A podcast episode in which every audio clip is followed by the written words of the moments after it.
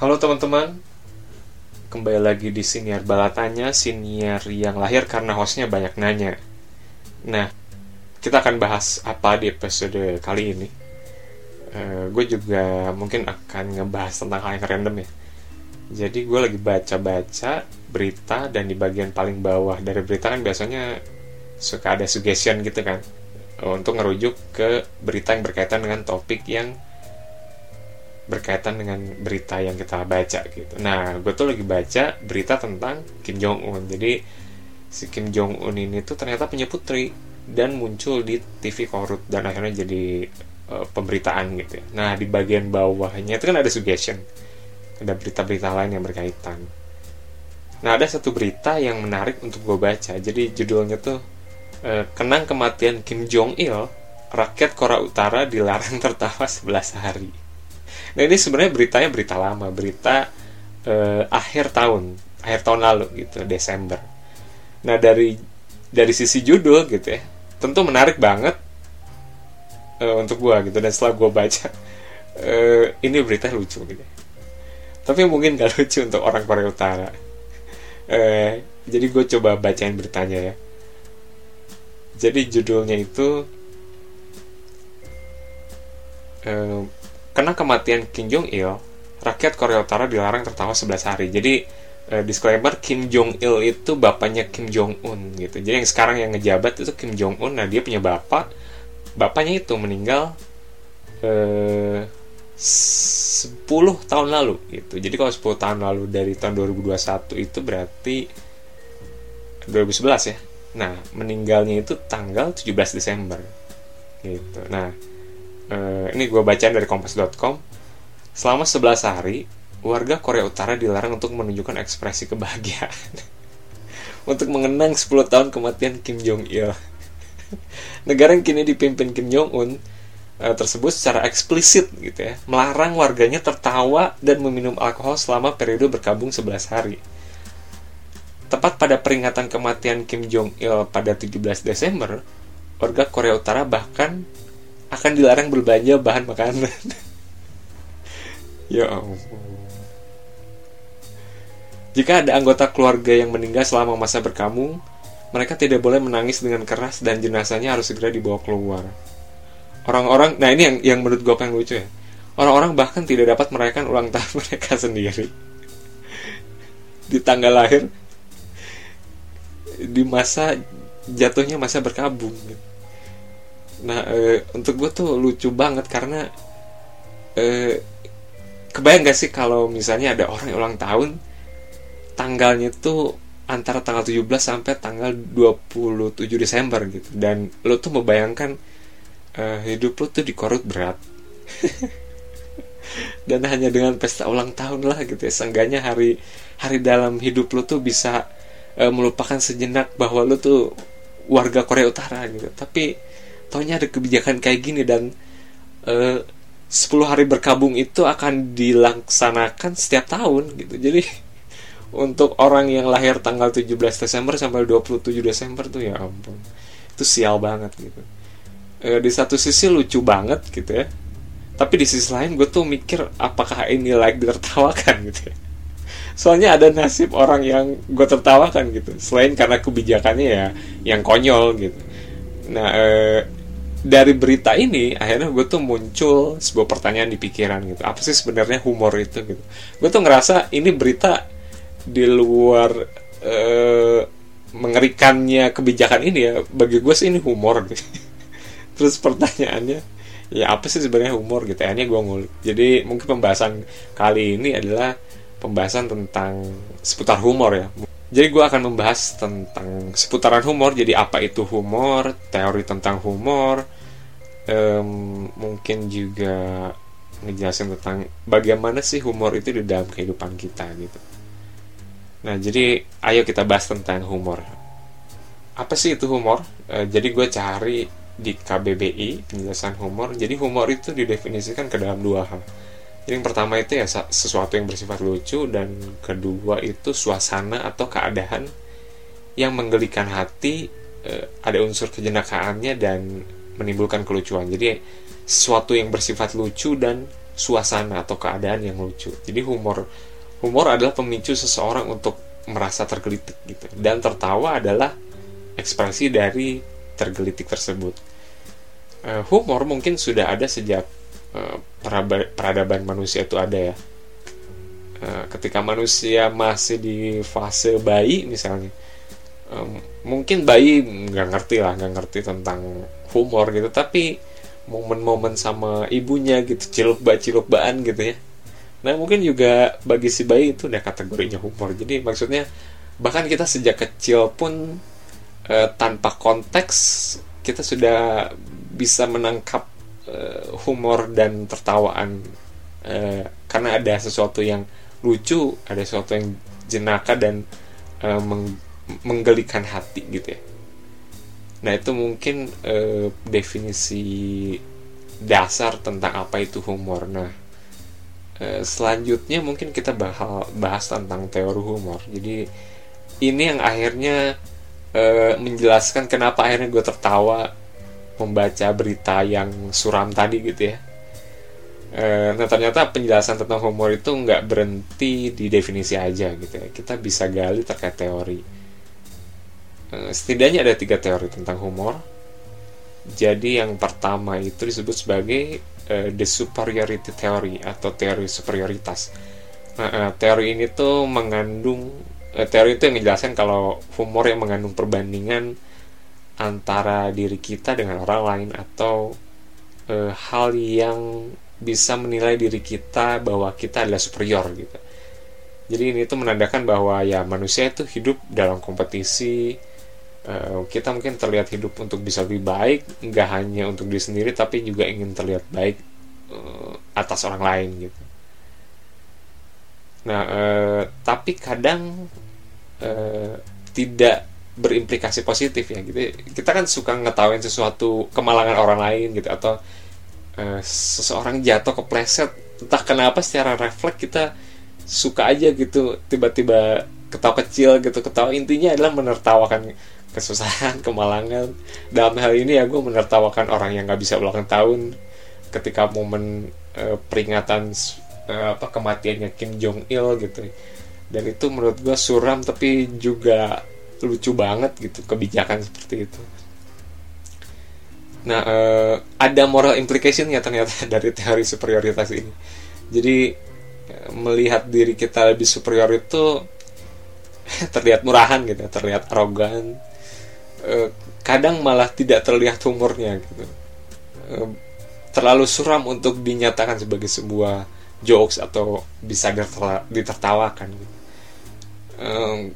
Iya dan komedi juga mungkin tidak sejudgmental itu ya gitu. Kita bisa merasakan komedi tidak harus uh, kasih judgmental judgment bahwa sesuatu di bawah kita dan kita lebih superior dari mereka gitu dan mungkin moral implication terakhir adalah bahwa teori superioritas ini ya can be moral wrong gitu. Bisa secara moral itu tidak tidak etis gitu ya menertawakan kemalangan uh, orang lain. Nah itu teori yang pertama. Teori yang kedua adalah the relief teori. Jadi uh, humor itu juga melibatkan uh, ada yang disebut sebagai mental tension. Uh, gue nggak menemukan istilah yang yang tepat. Mungkin gue kurang banyak mencari tapi uh, istilah yang paling dekat dari mental tension atau ketegangan mental itu ya mungkin stres kali ya. Jadi hubungannya humor dan tertawa itu ya tertawa itu kan ekspresi tubuh sulit untuk dikendalikan. Nah pelepasan emosi yang positif uh, itu dihasilkan dari stimulus gitu. Stimulusnya itu humor. Sigmund Freud tuh uh, pernah ngejelasin bahwa jenis humor tertentu gitu jenis humor yang yang berbeda gitu bisa menciptakan pelepasan uh, stres yang berbeda pula gitu. Uh, dia ngasih contohnya tuh kalau nggak salah uh, semakin dewasa orang gitu ya semakin dewasa kita kita tuh punya upaya untuk uh, berpikir rasional dan mengelola emosi gitu ya. Artinya uh, ketika kita ingin mencoba lebih rasional dan mampu mengelola emosi uh, maka kita menyampingkan sisi tidak rasional kita sisi kekanak-kanakan kita gitu. Nah proses menyampingkan hal-hal tersebut inilah yang biasanya menimbulkan stres. Jadi semakin dewasa gitu semakin banyak tanggung jawab gitu. Semakin banyak mengerjakan pekerjaan nah itu akan menunjukkan stres gitu kurang lebih seperti itu. Dan sebenarnya stres ini bisa dirilis dengan jenis humor tertentu. Nah teori ini tuh ngejelasin kenapa banyak humor eh, yang berkaitan dengan hal yang tabu dan ketidaksopanan gitu. Jadi eh, ada orang mungkin dengan level eh, jokes yang sangat dark gitu ya mungkin ini populer banget baru dia bisa ketawa dan uh, di sisi lain uh, secara moral juga uh, dipertanyakan apakah uh, ini sopan gitu ya jokesnya apakah ini tabu. Nah ada beberapa tipe orang yang cuman bisa ketawa di tipe jenis jokes tertentu nah itu adalah karena mereka katanya dianggap sebagai uh, mengalami stres gitu sehingga ketika disentuh gitu poin-poin itu maka uh, gelak tawanya itu langsung muncul uh, tanpa bisa dikontrol. Sebenarnya ada permasalahan sih terkait teori ini gitu, tapi uh, gue nggak akan bahas tentang permasalahan teori ini. Uh, teman-teman bisa cari sendiri tentang uh, teori dari relief ini, uh, dari relief teori ini.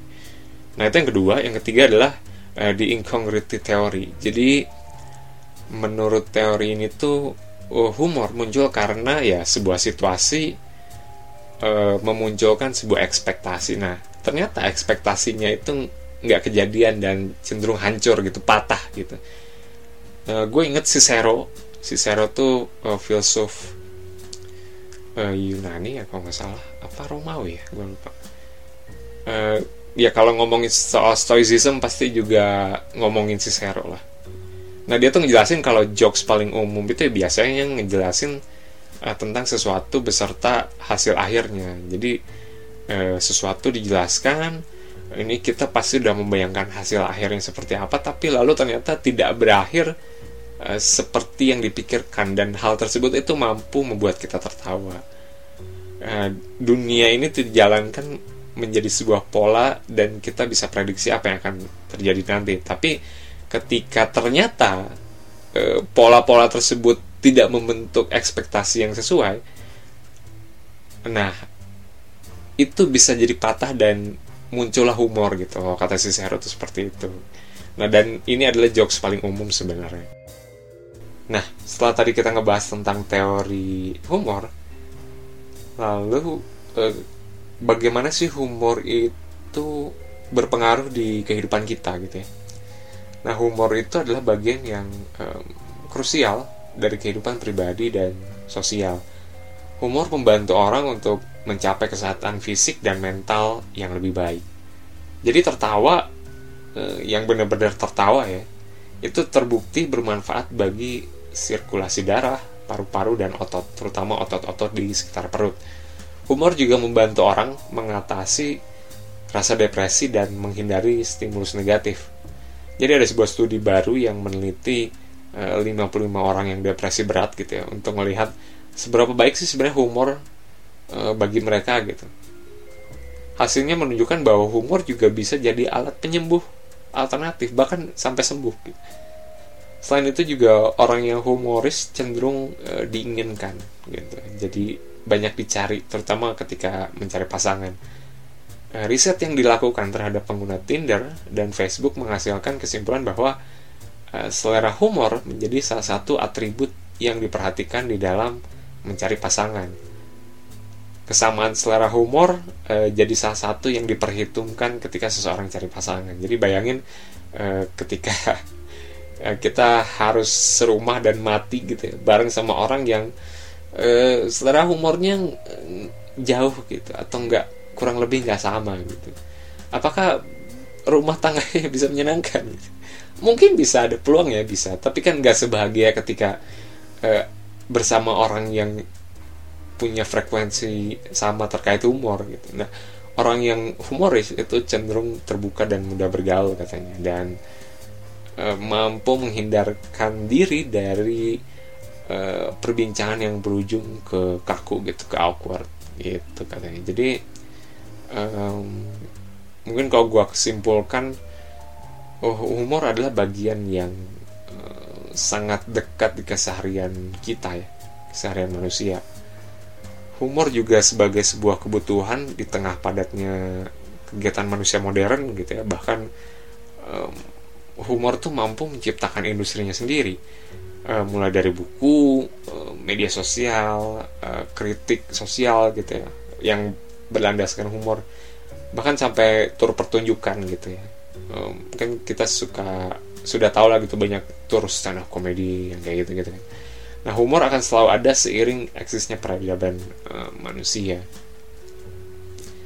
Oke okay, mungkin itu closingnya dan special closingnya sih semoga warga korut bisa lebih banyak ketawa aja sih. Ini uh, emang takdir sebagai takdir sebagai warga Korea Utara tuh kayaknya tidak nyaman hidup gitu. Dan ya berharap apa lagi.